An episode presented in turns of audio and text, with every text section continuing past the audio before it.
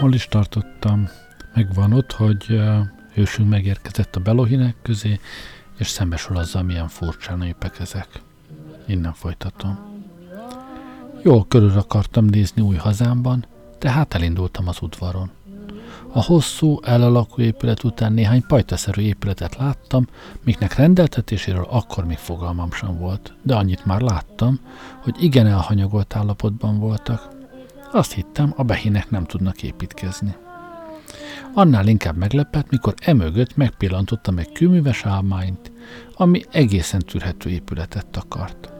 De az igazi meglepetésem csak ezután következett. Az épület egyik része ugyanis az állványon túl már készen is állt, és egy munkás csapat csákányokkal bontotta. Nem értettem az összefüggést, és magamat megemberelve megkérdeztem az egyik munkást, hogy mit célt fog szolgálni az építmény. Azt felelte, hogy lakás lesz a behinek számára. Akkor miért bontjátok le a másik felét, kérdeztem. Hogy hajléktalanul nem maradjunk. Azt hittem rosszul hallok, többször újra kérdeztem, de mindig azt felelte, hogy a felépített házat le kell bontani, mert ha megmaradna, hajléktalanul maradnának az emberek. Hát ezt nem értem, jelentettem ki végül. Csodálom, felelte az, gyanúsan fürkészve arcomat. Pedig ez világos az utolsó dobozrázó előtt is. Dobozrázó? Mi az, hogy dobozrázó? A kőműves erre letette a csákányt, és egy lépést tett felém. Ezt sem értem? kérdezte, és szemében különös fény villant. Egész valóban libabőröztem, de igen, hogy ne, dadogtam hátrába, majd hirtelen megfordulva veszett futással eliramodtam. Szerencsére a beteg nem követett. Most már megállás nélkül szobámba siettem, de itt sem éreztem magam biztonságban, hiszen nem volt rajta zár. Ajtaját nyitva is hagytam, legalább lássam, ha valaki elmegy előtte. Minden elkövetkezendőtől féltem, de viszont mindent látni akartam, hogy lehetőleg tőlük távol maradva, botrányok nélkül tanuljak meg annyit, amennyi szükséges ahhoz, hogy megneverjenek. Amint szobámban kuksoltam, pár perc múlva a falból magától lehajolt egy kis asztal, és mögötte egy csapóajtón át egy tál ételt toltak rá, majd az ajtó visszacsukódott. Az étel kérdése tehát magától megoldódott, hála a mindenre gondoló hineknek. Én pedig nekiestem, és jó étvágyal kezdtem falatozni. Itt ugyan hiába kérdeztem volna, botránkozva fordult volna mindenki, ha a szellemiségről kérdezem. Én pedig éhen veszhettem volna a ketni miatt. Pár perc múlva egy nő jött arra a folyosón. A nyitott ajtó előtt megállt, és egy pillantást vetett felém. Szája előtt zsebkendőt tartott, akkor még azt hittem a foga fáj. De így is észrevettem, hogy mosolyog. Mindez azonban csak egy pillanatig tartott, mert amint szeme az ételre tévedt, felsikoltott, és ájultan esett össze. Felugrottam, hogy segítsek, de már mások is odagyűlte. Izgatottan össze-vissza kérdezték egymást, mikor pedig egyikük asztalomon meglátta az ételt, kezemben a kanalat, magából kikelve ordított rám. Ha szellemiséget végzel, tedd be az ajtót, te bivak! Az ilyennek ki kéne hasítani a tüdejét, bömbölte egy másik. Valahonnan egy halk dörmögés hallatszott. Lamik. Ereimben megfagyott a vér. Ez a szó, amiért szúrnom kell, csak azt nem tudom miért. Ujjaim tanástalanul babráltak a késsel. Odakint az elszörnyedés moraja. A dörmögőt keresték, és engem néztek, hogy mit fogok tenni. Azért ezt mégsem lehet mondani, törte meg a csendet egy másik. Joga van azt mondani, mit akar, mondta a harmadik. Nincs joga, de igen. Ki mondta, hogy lamik? Semmi között hozzá, majd hozzám fordult. Milyen beha vagy? Kona vagy kemon? Azt se tudtam, fiú vagyok-e vagy lány, csak azt, hogy valamit felelnem kell, hogy megmenekülje. Kona, mondtam merészen.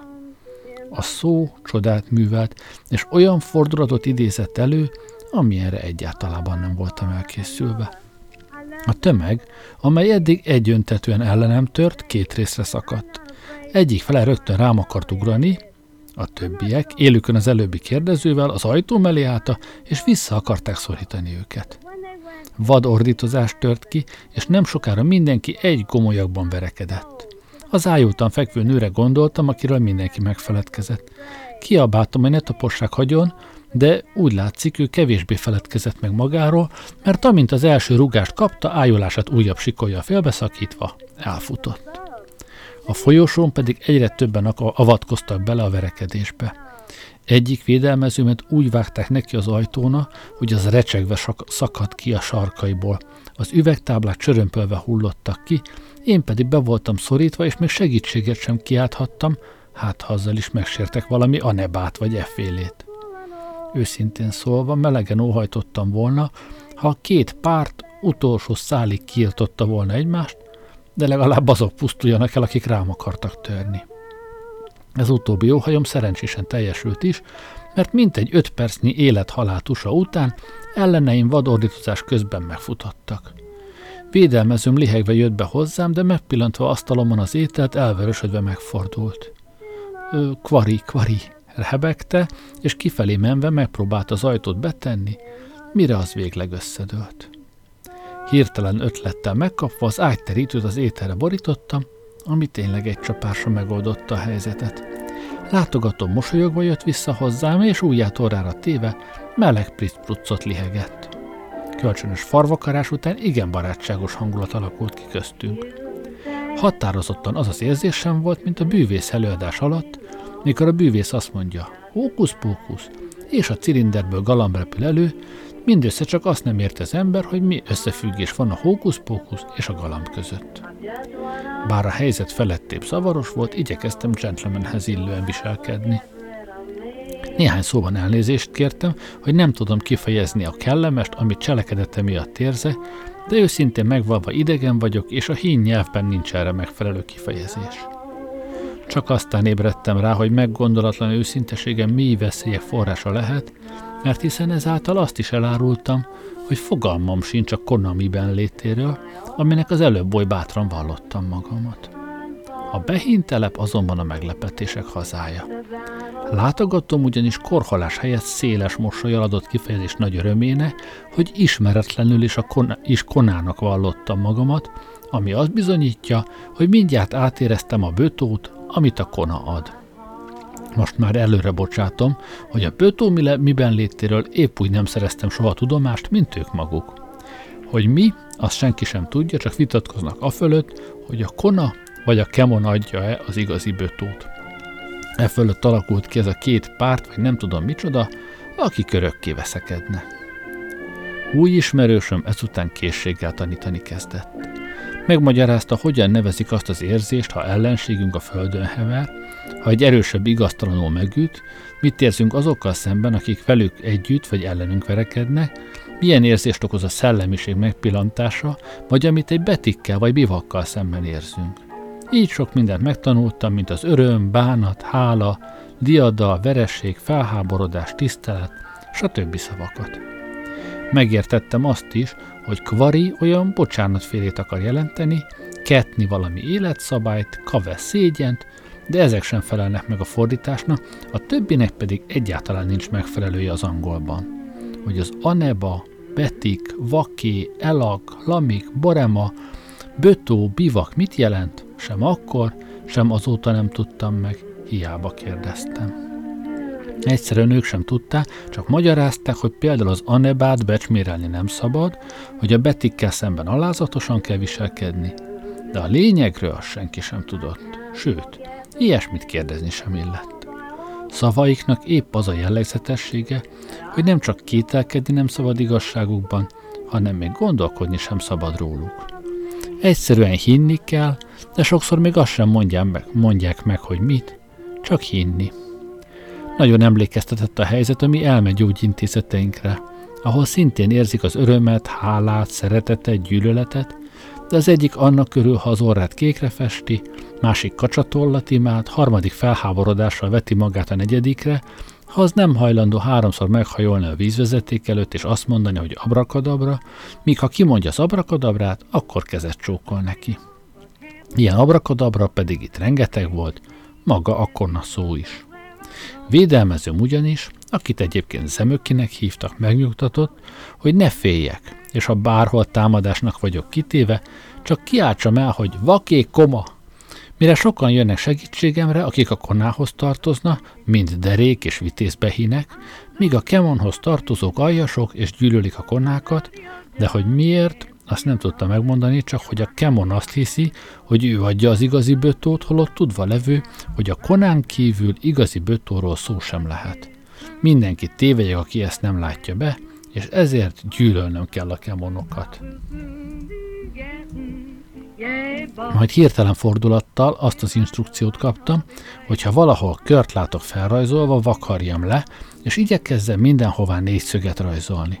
Ha viszont valakit, aki négyszöget rajzol a falakra, megtámadnának a kemonok, ne habozzam segítségére sietni, mert össze kell tartanunk a négyszög védelmében, és akár életünket áldozni az anebákért.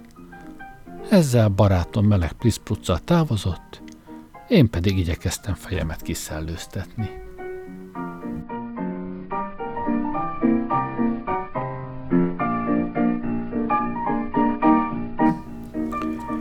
Ablakomat kinyitottam, majd kihűlt ételemet akartam megmelegíteni, ami azért volt probléma, mert a már említett rozog a villamos tűzhely sehogy se akart működni.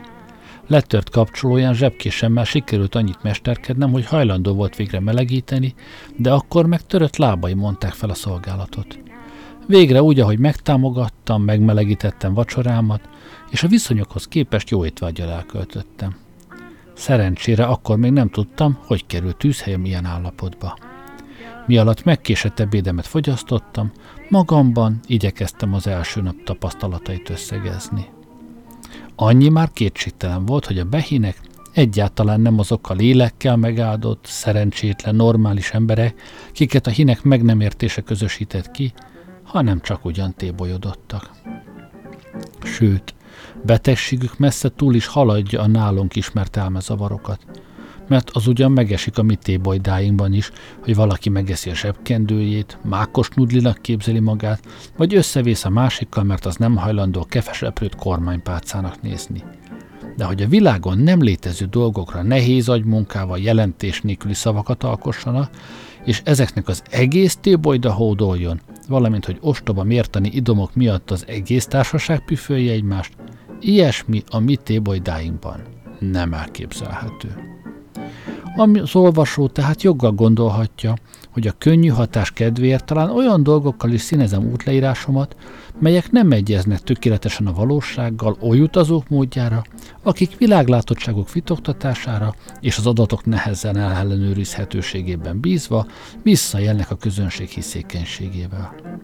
Félek, hogy az elkövetkezendők alatt az olvasók kételje még fokozódik, ezért előre biztosítom, hogy úti jegyzeteimet többször átnéztem, és inkább a valóságnál is kevesebbet vettem be a könyvembe, sem hogy egyszer is túlozzak. Annyi bizonyos, hogy az első nap lenyugtával sóhajtva gondoltam vissza a hinek közti eseménytelen élet szörnyűségeire. Eseményekre voltam szomjas, hát annyi bizonyos, hogy kaptam, amit kívántam csak bírjam idegekkel.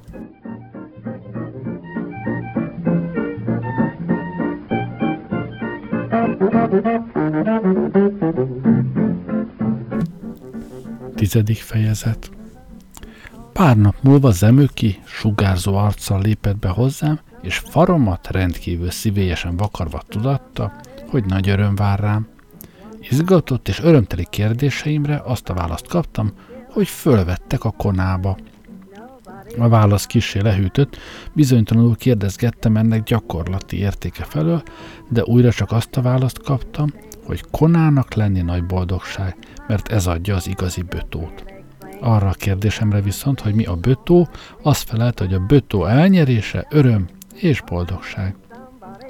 Ettől tehát nem lettem okosabb, és boldogság helyett némi zavart éreztem, amit azonban nem mertem nagyon hangoztatni. Később rájöttem, hogy a bötó is épp olyan tartalmatlan szó, mint a ketni. Valamely cselekedet azért ketni, mert így kell csinálni, viszont azért kell így csinálni, mert ez a ketni. Zagyva sületlenségeiknek éppen ez a circulus viciózus a legfőbb jellemzője, az önmagával indoklás, amelynek nincs megfogható origója, amivel a valóságos világ koordinátáihoz kapcsolódna. Így tehát, szeszélyeiknek kiszolgáltatva nem nagyon mertem vitatkozni, hanem magam is örömet színlelve óvatosan azt kérdeztem, hogyan kell viselkednem a bötók egyének elnyeréséhez. Zemöki azonban megnyugtatott, hogy ő mindent elintéz, és távozott. Nem sokára egy társával tért vissza, akit, mint megtudtam, Zeremblének hívtak. Zemöki és Zeremble ezután elhívta, hogy felvételemet megejtsék. A nagy udvaron végigmentünk, és egy távol eső épületbe léptünk be. Az ajtó felső része úgy be volt deszkázva, hogy meg kellett hajolnunk. Fogalmam sincs, miért csinálták ilyenre. Most egy igen furcsa szobába léptünk, melyben egyetlen bútordarab sem volt ott és abban a helyzetben, ahogyan lennie kellett volna. Láttam egy asztalt, aminek csak a kerete volt meg lap nélkül, viszont olyan támlája volt, mint a széknek. Az üres keretről madzagon sárga kavicsok lógtak le. A támláján különböző festékek folytjai látszottak, és ebből lecsurgás vonalai húzódtak az asztalig. Egy másik asztal lábbal felfelé át, lábaik viszont valami furcsa lepedővel takarták le, amit azonban sem ágylepedőnek, sem asztalterítőnek nem lehetett használni, mert ki volt juggatva, és a lyukakon vastag, háncsból fonott zsinór át és átfűzve, minek végein ugyancsak sárga kavicsok lógtak. Egy asztal mögött egy szék. Ez úgy körül volt csipkézve, hogy a rajta ülő combjai a legnagyobb veszélyben forogta, három akkora támlája volt, mint amekkora szükséges, és még ez is szabálytalanul össze-vissza faragva, ülőjébe pedig tüskék voltak beleütve, hogy még rá se lehessen ülni. Általában az egész szoba olyan benyomást tett, mintha vandálok pusztítottak volna mindent használhatatlanná, vagy mintha romboló szellemek tanyájára vetődtem volna. A félelem és írtózat szorította össze szívemet, és balsejtel meggyötörte. Óvatosan megkérdeztem Zemmökitől. Mi történt itt voltak éppen? Zemöki nagy szemeket mereztett, először nem értettem, miért kérdezem, és csak nehezen tudtam meg, hogy a pusztítást nem ellenséges hadsereg végezte, hanem maguk a tulajdonosok. Arra a kérdésemre, hogy miért ezt felelte? Mert így kipu. Tehát egy újabb szó, amit azért találtak ki, hogy egy másik ostobaságot igazoljanak vele. Az persze, hogy a pusztítást önmaguk csinálta, nem hogy megnyugtatott volna, de ellenkezőle még szörnyű balsejtelmeket ébresztett bennem jövőmet illetően. Pár perc múlva a háttérben nyílt az ajtó, és belépett rajta egy különös ember.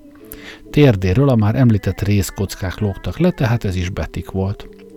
Vállára egy nagy, rikító szövetdarab volt terítve, mint a józan néz egy kis jó akaratú fantáziával még esőköpeinek nézett volna, és talán éppen azért juggatták és hasogatták össze-vissza, és aggattak rá üvegcserepeket, hogy annak se lehessen használni.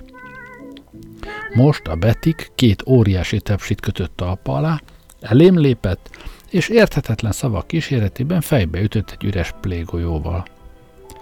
A sok sületlenségtől bizsergett bennem a nevetés, de látva, hogy a többiek nem csak nem nevette, hanem meghatott ünnepélyességgel szemlélték, és vaké-vaké kiáltásokban törtek ki a tepsütalpú megjelenésére, magam is visszafojtottam a nevetést, és némi erőszakkal, bár de sikerült nekem is ünnepélyes arcot öltenem. Az aktus végén pedig mindenki körém gyűlt, faromat vakarták, és nagyon örültek, hogy kona lettem, ami, mint mondták, nagy öröm, mert így elnyerem az igazi bötót. Az öröm lassan rám is átragadt, mert valóban megkönnyebbültem, hogy a bötót ilyen simán sikerült elnyernem. Az előzmények után sokkal rosszabbra is el voltam készülve. Sajnos örömöm kissé korai volt, mint az olvasó is látni fogja. De nem akarok az eseményeknek elébe vágni. you pets, they're all upset the same as me. I thought about a cradle, dear, but that would never do. For when you think of cradles, you know that's a thought... Mikor a Betiktől kijöttem, nem folythattam el mosolyomat. Ugyanis magam elé képzeltem kisfiamat, aki örült és tapsikált, ha torta szeletet kapott és elképzeltem tanástalan ar- arcocskáját, mint az ilyenféle szavakra vágott volna. Örülj, fiam, mert kona lettél, és elnyerted a bötót. Nyilván levonta volna konzekvenciáit apja elméjéről. Mi sötétségben élnek a dicső angol állam kisdedeihez képest, és ezek a szánalmas felnőttek. Hazamenet komolyan kérdeztem Zemökitől, hogy mi hasznom van abból, hogy kona lettem, de követeltem, hogy mondjon még végre valami pozitívumot, ne csak a bötót emlegesse. Megkergült agyuk, annyira rögesz még be testetlenedett, hogy eleinte kérdésem lényegét sem értette. Azt erősítgette, hogy az összes anebák, melyekhez a köna, bötó, ketni, kipu és egyéb fantasztikumok tartozna, maga teljes pozitív valóság, mert ezek tartják fönt az emberiséget, amik nélkül meg sem élhetnénk. És aki az anebákat nem érzi meg, az bivak, akinek mindezt úgy is hiába magyarázzák, a bivak pedig elveszett ember, akiből hiányzik a tartalom. Hosszú küzdelem után sikerült úgy, ahogy a való világ szürke, de biztos talajára cibálna, míg végre az első konkrétumot kinyögte. Ezentúl neked is jogod lesz részt venni a bukuban. Mi az, hogy buku? Az, hogy jogod van ütni a kemonokat, ha utálatos köreiket a falakra rajzolja, vagy ha nézszöget meggyalázzák. Hogy lehet egy mértani idomot meggyalázni? Úgy, hogy sarkait letörik, vagy átlókat húznak bele. Némi zavarban voltam. Na és? kérdeztem kis szünet után. Mi az, hogy na és? Te talán eltűrnéd, hogy a négyszögbe átlókat húzzanak bele? Én őszintén szólva képes lettem volna rá, a hangsúlyból azonban úgy sejtettem, hogy ajánlatosabb nemmel felelni. Tőlem telhetően igyekeztem is tiltakozni a gyanúsítás ellen, kijelentvén, hogy azonnal kitaposnám a belét annak, aki a négyszögbe átlót húz. Ez a határozott állásfoglalás láthatóan helyreállította ingadozó reputációmat. Zemöki megnyugodva jelentette ki, hogy derékember vagyok, bár fogalmam sem volt róla miért. Annyit minden esetre megtudtam, hogy méltó vagyok arra, hogy a betik megfogja az orromat, ami ő szerintük valami nagyon jó dolog, mert csak igen derékkonákkal történik meg. Engem azonban sokkal inkább érdekelt a verekedés, mint újabb veszély, de amikor erről kérdeztem, így felállt. Ez nem verekedés, hanem buku. Az előbb azt mondtad, ütni kell a kemonokat. Miért nem verekedés, ha verni kell egymást? Nem egymást, hanem a kemonokat. És a kemonok a komá- konákat. Úgy van. Nos hát akkor miért nem egymást? Mert mi nem egymást ütjük, hanem a kemonokat, és ez egészen más. Ez a buku, amit a bötó hatát. A verekedés ocsmány dolog, ketni ember nem csinálja. Míg a buku viszont azért van, hogy az embert jobbá, nemesebbé tegye, valamint, hogy kifejez az összetartást és egymás megbecsülését. Kétszer is megkérdeztem, de kiderült, hogy jól értettem. Ezek szentül hiszik, hogy egymást úgy becsülik meg, és úgy tartanak össze, ha agyba főbe verik egymást. Percekbe telt, míg gondolataimat rendezhettem. Nem mintha előjogaim értéke felől pillanatig is két teljeim lettek volna, hanem mert a józan észnek az eszelősökkel szemben az a legnagyobb problémája, hogy mi módon nyilatkozzon meg úgy, hogy agyon ne verjék, és mégis észszerűen beszéljen. Még számtalanszor rántott bajba az egészséges agyvelőnek az a tulajdonsága, hogy csak egyenesen tud könnyedén járni, és ha sántítani próbál, elesik. Valósággal tehetségesnek tűntek fel előttem sokszor a behinek, hogy olyan rutinnal sántítanak. Ezen ne is tessék csodálkozni. Volt egy esetem, egy beteghez hívtak, akin elmezavar tünetei mutatkoztak. Az illető a kérdésekre teljesen zavart hangegyveleggel válaszolt. Ha mondjuk megkérdeztem, hogy van, ilyenféle feleletet adott. Palevi abagárten tinet rendet homaridikó. Persze jelentettem az intézetben, hogy a beteg összefüggéstelenül beszél. Azt kérdezték, hogyan értelmezem az összefüggéstelen beszédet. Én illusztrálni akartam, de arra kellett rájönnöm, hogy képtelen vagyok értelmetlen betűhalmazt rögtönözni. Megjegyzem, hogy a fenti példa kiagyalása és 5 percnyi fejtörésembe került, mert agyvelő makacsul az értelmes szavakra tévedt, viszont a beteg mindezt gondolkodás nélkül hadarta.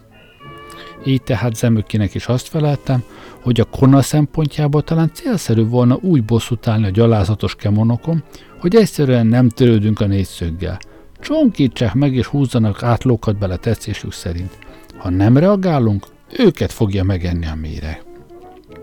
Zemöki és Zeremble megrökönyödve néztek egymásra, és kijelentették, hogy csak újonc voltam lehet mentségem, mert az anebákról ilyen cinizmussal beszélni igen nagy bűn, és szavaimmal annak a gyanúnak teszem ki magamat, hogy a kemonokkal tartok a meddő küzdelem valósággal felőrölte agyamat. Nehezen erőt vettem lázongó józan eszemen, és megígértem, hogy igyekezni fogok érzéket elsajátítani az anebák iránt. Legnagyobb gondom az volt, hogy a fenyegető verekedést el tudjam kerülni. Tehát még csak azt kérdeztem. Hogy szokott kezdődni a boku? Úgy, felelte Zemöki, hogy a gyalázatos kemonok berohannak szobáinkba, és összetörik a villamos resókat. Mire minden jobbérzésű kona is behatol a kemon szobáiba, és összetöri az ő resóikat. De van úgy is, hogy a kemonok provokáló magatartása vágya ki jogos felháborodásunkat, ránk kényszerítik a bukut, mire mi törjük össze az ő resóikat, utána ők a mieinket. Döbbenve eszméltem rá, hogy miért van oly rozoga állapotban a tűzhelyem. Még csak azt kérdeztem, miért kell ezt a kölcsönös szörnyű rombolást végezni? Hát csak meg kell talán védeni a tűzhelyet, felelte a világ legtermészetesebb hangján. Ezzel elváltunk, én pedig nehéz érzésekkel tértem nyugovóra. Végül is elhatároztam, hogy a jövőben egyszerűen nem fogok közéjük keveredni, hogy így magamat függetlenítve baj nélkül húzzam ki a fél évi próbaidőt, mikor majd megszabadulok tőlük. Szerencsére ott vannak kint a bölcs hinek, akik naponta beadják ételemet, én pedig a szobámba fogok zárkózni, csak a legszükségesebb időt töltöm a szabadban, és ott sem érintkezem velük. Ó, ha akkor sejtettem volna a következendőket, korán sem jött volna a szememre az a megnyugtató álom, ami nem sokára elnyomott.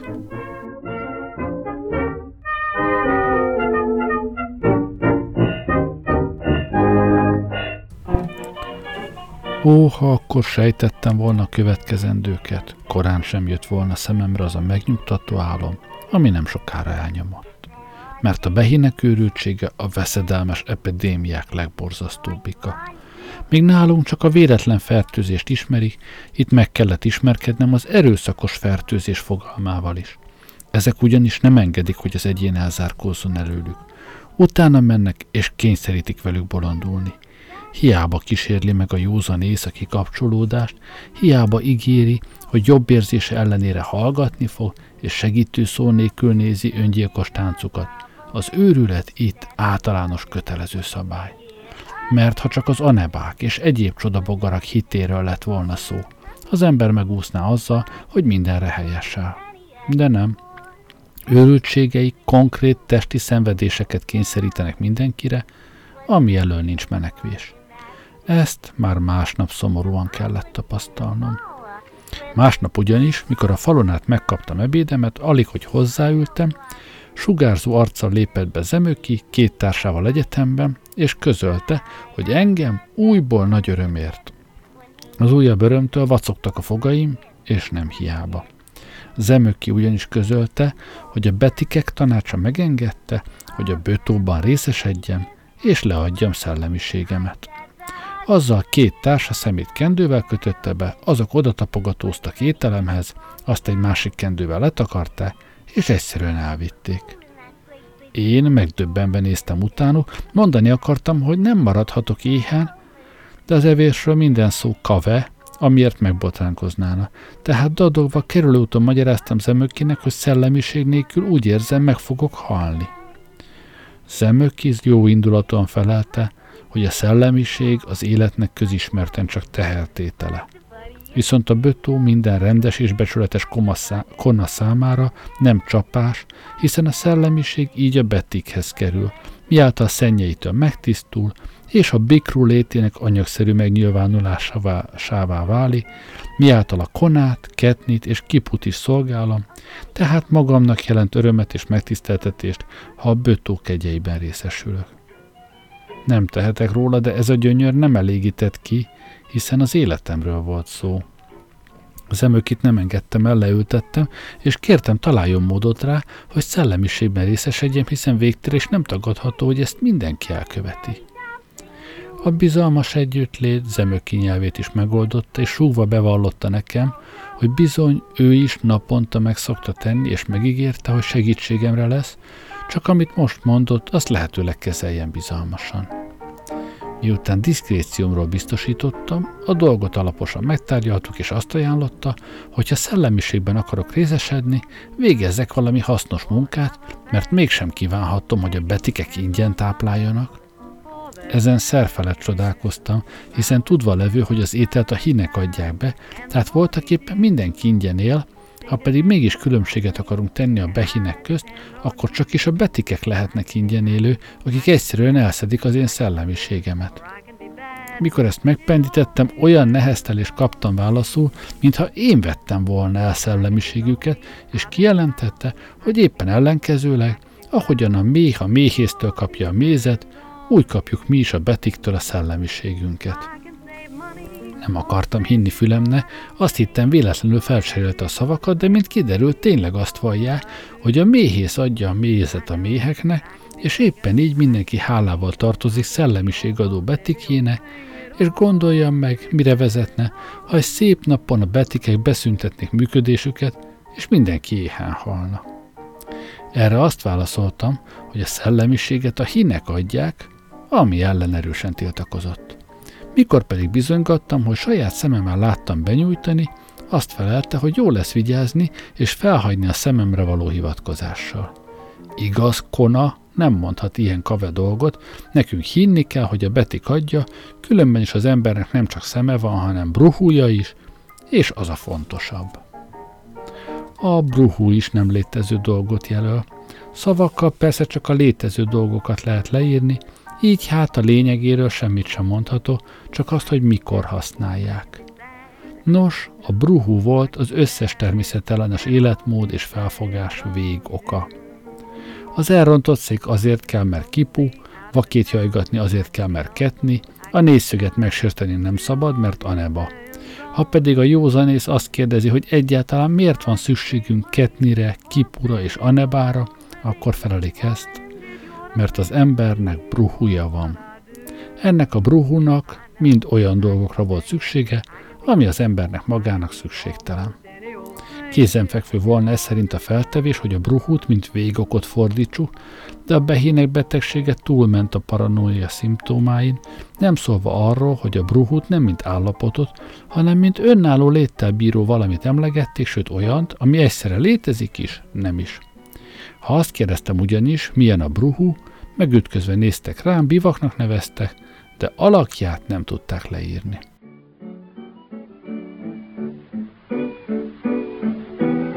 My lonesome clock goes tick-tick-tock all through the day when you're away. Zemöki tehát jó akaratúan felajánlotta, hogy segítségemre lesz egy hasznos foglalkozás elnyerésében, addig pedig saját szellemiségéből fog nekem is juttatni valamit. Pár nap múlva el is vitt egy betikhez.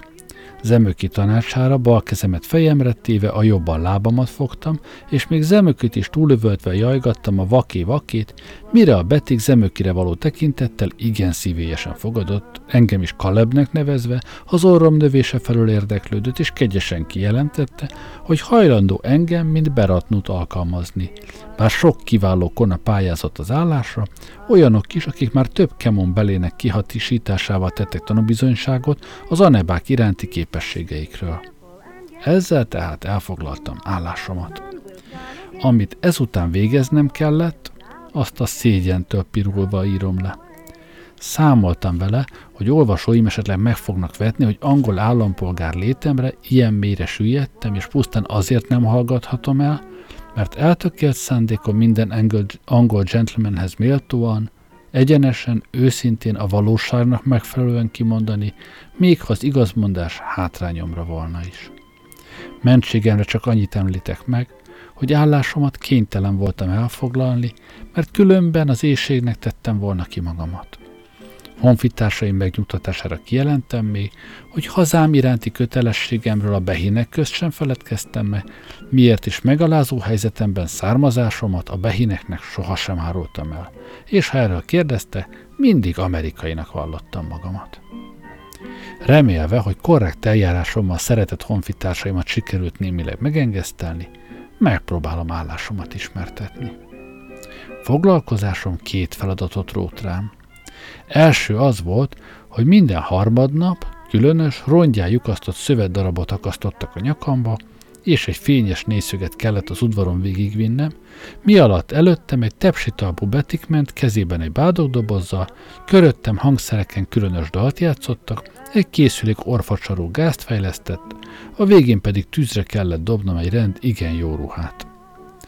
Második feladatom, A sárga kavicsok osztogatása volt. Ez abból állt, hogy sárga kavicsokat kell legyűjtenem, miket bizonyos napokon a már említett bádogdobozban én vittem a Betik előtt, és hangosan csörgettem. Majd a Betik mellém lépett, és egy kavicsal kétszer megütve a doboz oldalát intett, hogy osszam ki a kavicsokat. Én pedig a fedelet felnyitva mindenkinek adtam egy darabot. Az emberek erre örömmámorban kapkodták kézbe jobb lábukat, vaké-vakéztak, és a kavicsukat hónuk alá szorítva szétszélettek. Bár maga ez a maskara is szerfelettre komikus, és megszégyeníti a legbizarrabb karnevált is, de a legkomikusabb a magyarázat. Ezek a szerencsétlenek ugyanis azt hitték, hogy a hónuk alá szorított kavics tápláló, sőt meg voltak győződve, hogy ez tartja fenn az életet, az emberi testet, és áldották érte a betiket. Az ételt, mint tudjuk, a közfelfogás lenézte, szégyelte, bár mindenki megette. A szellemiség szó lelkiismeretük eladhatására való volt. De képtelen rögeszméjük ebben még nem merült ki. Ehhez még az a hit is járult, hogy csak az a kavics tápláló, minek dobozát a betik megérinti. Mikor a földön összeszedtem, még nem volt tápláló, és csak a hón alatt táplált. Nem csak nem nyelték azonban le, de még szájhoz érinteni sem volt szabad, mert ez egyenlő volt a kavics meggyalázásával. Náluk a kavicsot is meg lehetett gyalázni, mert, mint tudjuk, az evés és a száj szégyenletes dolgok voltak. Magam láttam egy pört, melyben egy behint azzal vádolta, hogy hóna alatt a kavicsa a vajas kenyeret evett. És a legkomolyabb képpel tanuk egész seregét hallgatták ki, akik azonban cáfolták, hogy a dolog ilyen értelemben megtörtént volna. De a behint mégis elítélti, mert bizonyítást nyert, hogy a hóna alatt a kavicsal megemlítette a vajas kenyeret, amivel a kavics már megrövidül és szenvedett. Még az is meg volt szabva, hogy ilyenkor gondolni sem szabad a szellemiségre. A kavics szorítás őrület azonban nem hagyott nyugodni, és egyszer megkockáztattam zömökki előtt azt az állítást, hogy talán mégsem tápláló. Bizonyságul hivatkoztam rá, hogy a világon egyetlen élőlény sem táplálkozik ilyen módon viszont Zemöki megmagyarázta, hogy épp ezen tény által van igazolva a kavics teória, mert az embernek bruhúja van, tehát nem tartozik a világ közönséges élőlényeihez, és így magától értetődően más szükségletei vannak. Azt feleltem, hogy ahogyan az ember anatómiáját az Oxford Egyetemen megismertem, gyomrától a hajaszáláig minden egyes szervet táplálékot, és nem kavicsot kíván. Zemöki azonban figyelmeztetett, hogy újból szememre és tapasztalatomra hivatkozom, ami nem jó, és melegen ajánlott, hogy óvakodjam a kavics táplálkozás kétségbe vonásától, mert ez is aneba, és a behének nagyon kényesek a bruhújukra, úgyhogy az ilyen gyalázkodást nem egy lamikon véresen torolták meg. Így tehát megint hallottam a vészes lamik szót, aminek említésére kést kell rántanom, és aminek jelentéséről még mindig fogalmam sem volt.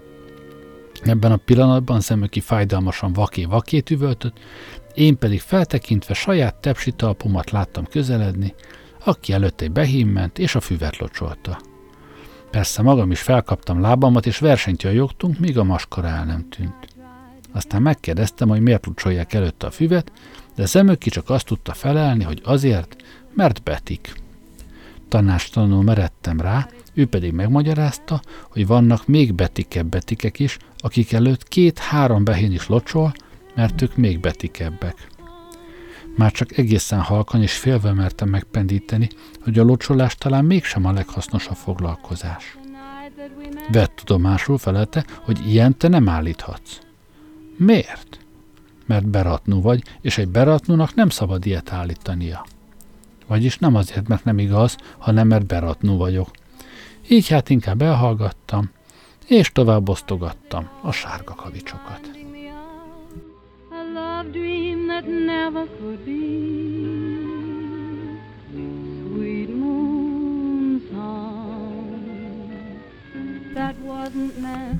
Később aztán volt alkalmam látni az elképzelhető legfantasztikusabb hivatalokat. Ezek közül csak a rozsda mérő és nyilvántartó hivatalt említem meg, amelyre azonban egy későbbi fejezetben fogok kitérni.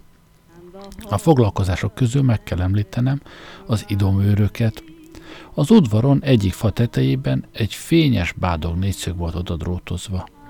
Ez alatt állandóan felváltva lopta a napot két-két behin, akik azon örködte, nehogy valamelyik elvetemült kemon kővel megdobálja, vagy gyalázó kifejezésekkel illesse a bádogot. Józan ész szerint legokosabb lett volna az egész vacakot szemétbe dobni, hogy ne legyen mit meghajigálni és őrizni. De persze ilyen egyenes és értelmes véleményt már nem mertem nyilvánítani. Így csak azt kérdeztem egyszer Zemökitől, nem volna jobb, ha ezek az őrök dolgoznának valamit, ami a kona javát szolgálná. Zemök is sértődve oktatott ki, hogy ezek végzik a legtisztesebb és leghasznosabb munkát, amit a kona üdvére el lehet képzelni. Elhallgattam, és igyekeztem elismerésemet hangoztatni, hogy nekem is jól esik a munkásoknak ilyen megbecsülése.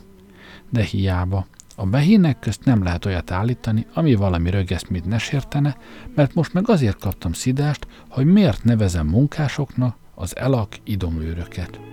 Egyébként saját munkámért pénzt kaptam, aminek létéről a hínek közt egészen meg is feledkeztem. A pénzzel a tápláló és életadó hivatalba kellett mennem, hol szellemiséget vásárolhattam, de lényegesen kevesebbet, mint amennyit a hinektől kaptam, mert az étel nagy részét a betikek ették meg. Még itt, az elkobzó és kiosztó helyen láttam a legreálisabb foglalkozást. Ezek legalább létező anyagokat kezeltek, bár ezt is hitvány és gonosz módon. Táplálkozásom tehát jóval gyengébb volt, és így találkoztam újra azzal a másik fogalommal, amiről a hínek között úgy megfeledkeztem, mintha nem is léteznék, az anyagi gondok fogalmával. Ennek újraéledésével kezdtem csak megint anyagias szemmel figyelni a dolgokat, mert megvallom, még ételemet nem vették el, nem is gondoltam rá, hogy a többiek hogyan táplálkoznak. Így jöttem rá, hogy igen sok köztük az éhes ember, akitől még a ruha járandóságát is elveszik, sőt, szobájából is kidobják, úgyhogy sokan a szabadég alatt tanyáztak. Ismétlem, a behinek tébolya elől nincs menekvés. Az ember nem zárkózhat el, mert utána jönnek. Ételét, ruháját elszedik, és hiába hagyná rá akkor is az ember, hogy jól van. Vegyétek el, csak engedjék, hogy az udvarai részén remette módra elvonulva éljen, burgonyát és gyümölcsöt termesztve. Ez sem szabad. Az élet egyetlen módja, ha közéjük áll az ember, akit akti- és aktíve segít öngyilkos virtus táncokban. A magánélet szabadságáról beszélni sem lehet. Az embert magukkal ragadják, kifosztják, gyötrik, naponta kényszerítik nyilvánosan megtagadni józan szellemét, és nincs percnyi nyugta, mert állandóan mögötte kavarog a tébolyda, és ostorás ruhogtatva hajszolja szenvedni. Mint említettem, tehát az új ruhát is elkobozták. Ennek egy részét a betikek elviselték, más részét tönkre lyukasztották és hasogatták, mert csak így tudták használni. Ezen kívül sajgó szívvel bár, de nekem is tűzbe kellett vetnem minden harmadnap egy ruhát, miközben a négyszöget magasra tartottam. A behínnek pedig csak használt ruhát kaptak, és azt is évekig kellett hordaniuk, mi alatt szemük láttára égették és hasogatták a tiszta, új, finom öltönyöket, amihez ők vakéztak, mert azt hitték, hogy a pusztítás nélkül mesztelenül járnának. Szerettem volna Zemökinek egyszer úgy igazán megmondani a véleményemet, de már keserűen tapasztaltam, hogy azt tekintik ellenségnek, aki életüket meg akarja javítani. Ezért csak kérdeztem, mi teszi szükségessé, hogy a ruhát a négyszög alatt elégessék. A bötó volt a felelet. Ezáltal nyerjük meg a bikru távsugarait a bukuhoz, a kemonok és a kör ellen. Nem folythattam el megjegyezni, hogy ez esetben mégsem tartom célszerű valaminek a bukút, de nehogy megint azzal vádoljon, hogy a kemonokkal tartok, sietve hozzátettem, hogy nem akarok sem a konákkal, sem a kemonokkal tartani, hanem úgy vélekszem, hogy legjobb volna, ha nem volna sem négyszög, sem kör, nem veszekednének a szavakon, nem kellene az emberek szemlemiségét és ruháját bötó címen elvenni, hanem ha a két beha kibékülne, eltörölnék a beha és a nebák fogalmát, és együtt dolgozva sokkal több szellemiséget termelhetnének, úgyhogy mindenki jól élne, és a betikeknek sem lenne kevesebb, sőt az övék is szaporodna. Akár hiszik, akár nem, ekkor támadtak rám a legbőszültebben. Azt még inkább elszívlelték volna, ha kemonokkal tartok. De a józanságot nem bírják el. Azt mondták, jó lesz vigyázni a szavaimra, mert azok veszedelmesen hasonlítanak arra az őrültségre, amit néhány vakmerő terjeszt, akiket azonban elevenen megégettek. Azon kérdésemre, hogy ez miért bűn, ezt felelték. Na hallod, a világot vérben, lángba és nyomorba taszítani csak elég nagy bűn, Kijelentették, hogy ezeket a tanokat csak gyújtogató őrültek terjesztik, hogy elpusztítsák a bötót, ketnit, kiput, és mindazt, amit mi úgy értékelünk, mint a civilizáció nagyszerű vívmányait, miknek most élvezői vagyunk. És ha meg akarom tudni, hogy kik ezek, hát tudjam meg, hogy a lamikok. Így tudtam meg, hogy mi az értelme ennek a szónak, ami köztük a becsületsértések legborzasztóbbikának számít, és amelyet azonnal szúrni kell. Tehát a józan észt nevezték lamiknak, amit eddig is sejtettem, de most megbizonyosodtam róla. Elhallgattam, sokáig gondolkoztam azon, hogy mégis hogyan segíthetnék földhöz ragadt nyomorúságukon úgy, hogy önpusztító eszelősségeiket ne érintsem. Végül azt mondtam, hogy nem akarom az anebákat sérteni, maradjon meg a négyszög és a bukú, ellenben célszerű volna azt a sok beratnút, locsolót és az elkobzókat kirendelne mezőre, hogy gabonát, mézet és gyümölcsöket termeljene, miáltal jóval több szellemiségre tehetnének szert. Nem lehet, felelte Zemöki, mert ha beratnó nem viszi a négyszöget, és a locsoló nem locsol, így mindkettő szellemiségét veszti, nem teltek róla, de ebből egy szót sem értettem. Azt hittem, nem tudja, mit mondok, és hogy megértsen, arról beszéltem, hogy ha egy ízben mindenkit kivezényelnének házat építeni, mennyivel több lakás lenne, mint most. Amikor sokan többet magukkal laknak egy szobában, sőt egyenesen a szabad ég alatt éjjelezne. Szemőki felelet helyett karon ragadott és elvezetett, elvezetett ahhoz a házhoz, amit idejöttem naptán láttam, és amelyiknek egyik felét építették, másikat bontották. Most csak az volt az újdonság rajta, hogy a lebontott felét építették újra, és a közben felépült részt bontották. Látod? Így szólt Zemüki. A kona milyen bölcsen gondoskodik arról, hogy tagjainak lakása legyen. Ennek a furcsa háznak a titka már erősen furta az oldalamat, és az alkalmat felhasználva megkérdeztem, hogy akkor miért bontják le a másik felét. De ő is ugyanazt felelte, mint annak idején a kőműves hogy hajléktalanságot ne okozzon. Bátortalanul megjegyeztem, hogy a hajléktalanságon éppen a lakás létezése segít. Nem tudom, mi volt rajtam olyan mulatságos, de Zemöki nagyon jó ízűt nevetett szavaimon, szegény bivaknak nevezett és kijelentette, hogy úgy látszik a lakásgazdaság tudományának még elemeivel sem vagyok tisztában, ami pedig a legtanulatlanabb behín előtt is közismert dolog. Én igyekeztem megőrizni nyugalmamat, és udvariasan kértem, világosítsa meg előttem a behinek lakásgazdasági tudományát. Erre Zemökivel egy padra ültünk, és ő beszélni kezdett. Elmondotta, hogy valaha régen a behinek is házat építettek, abból a téveszméből kiindulva, hogy ezzel a lakásinséget fogják enyhíteni de az anyagi igazság természetesen megkövetelte, hogy a hajléktalanok közül csak azok kapjanak lakást, akik az építkezésben is részt vettek. Ezért az építőknek minden hónapban egy cifrán nyomott igazolványt adta, aminek ellenében joguk volt egy hónapig lakni. Az elején persze hiába kaptak igazolványt, az építőknek csak egy része kaphatott lakást, de az építkezés előre haladásával mind többen jutottak fedél alá. Egyelőre tehát úgy látszott minden rendben van.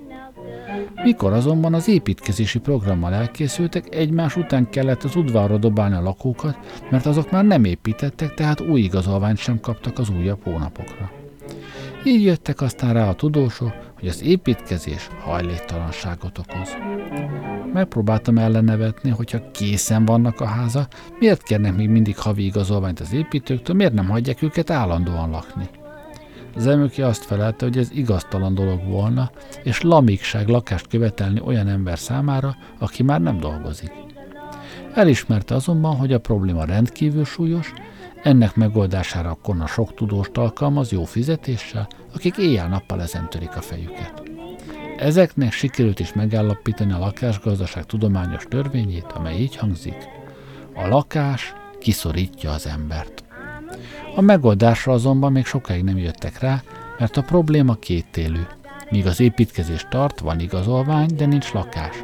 Ha befejezték, van lakás, de nincs igazolvány. Eleinte úgy próbálták megoldani a nehézséget, hogy még több lakást építettek, és az építkezés idején az építők megmaradhattak régi helyükön. De így természetesen mind több lakás maradt üresen, amivel nem lehetett mit kezdeni. Azt mindenki sejtette tehát, hogy a lakásépítő munka csak akkor közhasznú, ha nyomában nem támadnak lakások. Így jöttek rá, hogy az embereket foglalkoztatni kell, hogy lakhassanak, de a lakásokat rögtön le kell rombolni, hogy a katasztrofális hajléktalanságot elkerüljék. De akkor az voltak éppen nem építés, mondta. Persze, hogy nem, még csak az kellene. Ez a kona bölcs gondoskodás a tagjairól. A kona bontócsákányt a tagjai kezébe, hogy hajléktalanul nem maradjanak. Ezért kell a konát megbecsülnünk. Mindinkább az a meggyőződés érlelődött meg bennem, hogy ezeket az embereket valami furcsa erő taszítja a valóságtól és a logikától.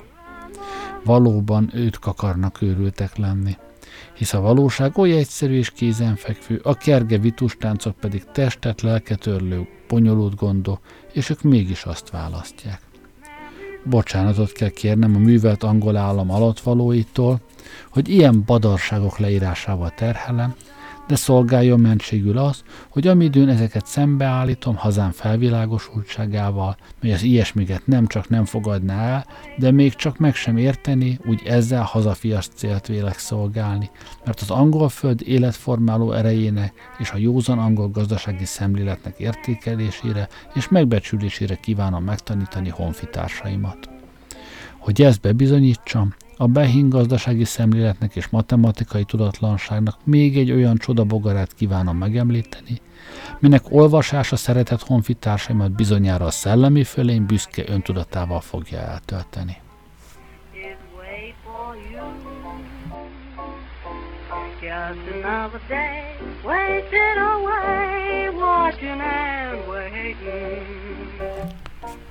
Ez pedig a következő.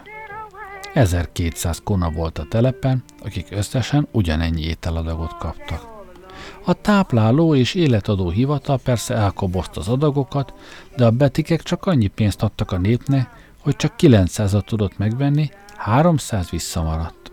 Ezt a betikek és azok környezete vásárolta meg, mert azok sokkal több pénzt kaptak. Ez eddig csak csúnya és embertelen cselekedet, de most nem erről akarok szólni, hanem matematikai képtelenségeikről. Egyszer ugyanis határozatban ment, hogy a nép fizetését leszállítják. Ez meg is történt, és a következő nap 900 helyett csak 750 adagot tudtak megvásárolni. A megmaradt 150 adagot a gazdagok sem vásárolták meg, elvégre nekik is csak egy gyomruk van. A nép korgó gyomorral szédelgett és tántorgott, az étel pedig felhalmozva rohadt a tápláló és életadó hivatalban. A józan Európában már ez is hihetetlen. De még furcsább volt az az intézkedés, amit ezután hoztak. Épesző ember ugyebár azt csinálja ilyenkor, hogy belátván számítási tévedését vagy szétosztja a maradékot az éhesek közt, vagy felemeli a névfizetését. Nem. Bármilyen hihetetlenül hangzik is, a betikek elrendelték, hogy a visszamaradt ételt ki kell önteni. Ezt a vandálpusztítást magam sem akartam elhinni, míg saját szememmel nem láttam az étel kiöntését. Midőn azonban láttam, jó indulaton tanácsoltam, hogy ha már úgysem tudnak a szellemiséggel mit kezdeni, ne vegyék azt el a behinektől. Megmagyarázták azonban, hogy ezt nem lehet megcsinálni, mert az egyenlő volna a rablással, és erőszakos beavatkozás jelenten az egyéni életbe, melynek szabadsága pedig a behén civilizáció alapelve. Különben pedig ajánlottak, hogy tartózkodjam az ilyen lamikizű kijelentésektől. De a java csak most jön. Mikor megkérdeztem, hogy miért öntik ki az ételt, azt felelték, hogy azért, mert túl sok van. De még nem értünk a tetejére. Ők ugyanis meg voltak győződve, hogy azért éheznek, mert túl sok az étel. Ostobaságaiket pedig nem önmagukat, hanem a viszonyokat átkozták, és ezek jobbra fordulásától remélték gyomruk megtöltését. Just like a butterfly that fought in the rain. Hát ennyi fért a mai adásba. és a jövő héten biztos nem folytatom, már akkor is szerintem behínekről lesz szó, egy egészen másfajta adásban. Lehet, hogy már egyáltalán nem fogok visszatérni a kazohíniára, elvégre jön a karácsony, meg az új év, jövő héten meg, meg nem szat már itt fogok olvasni nektek. Köszönöm, hogy velem voltatok ma este, jó éjszakát kívánok, Gerlei Rádiózott. Here I am praying, brokenly saying, give me the sun again. Just like a butterfly that's caught in the rain. The sun again. Caught in the rain. That's all.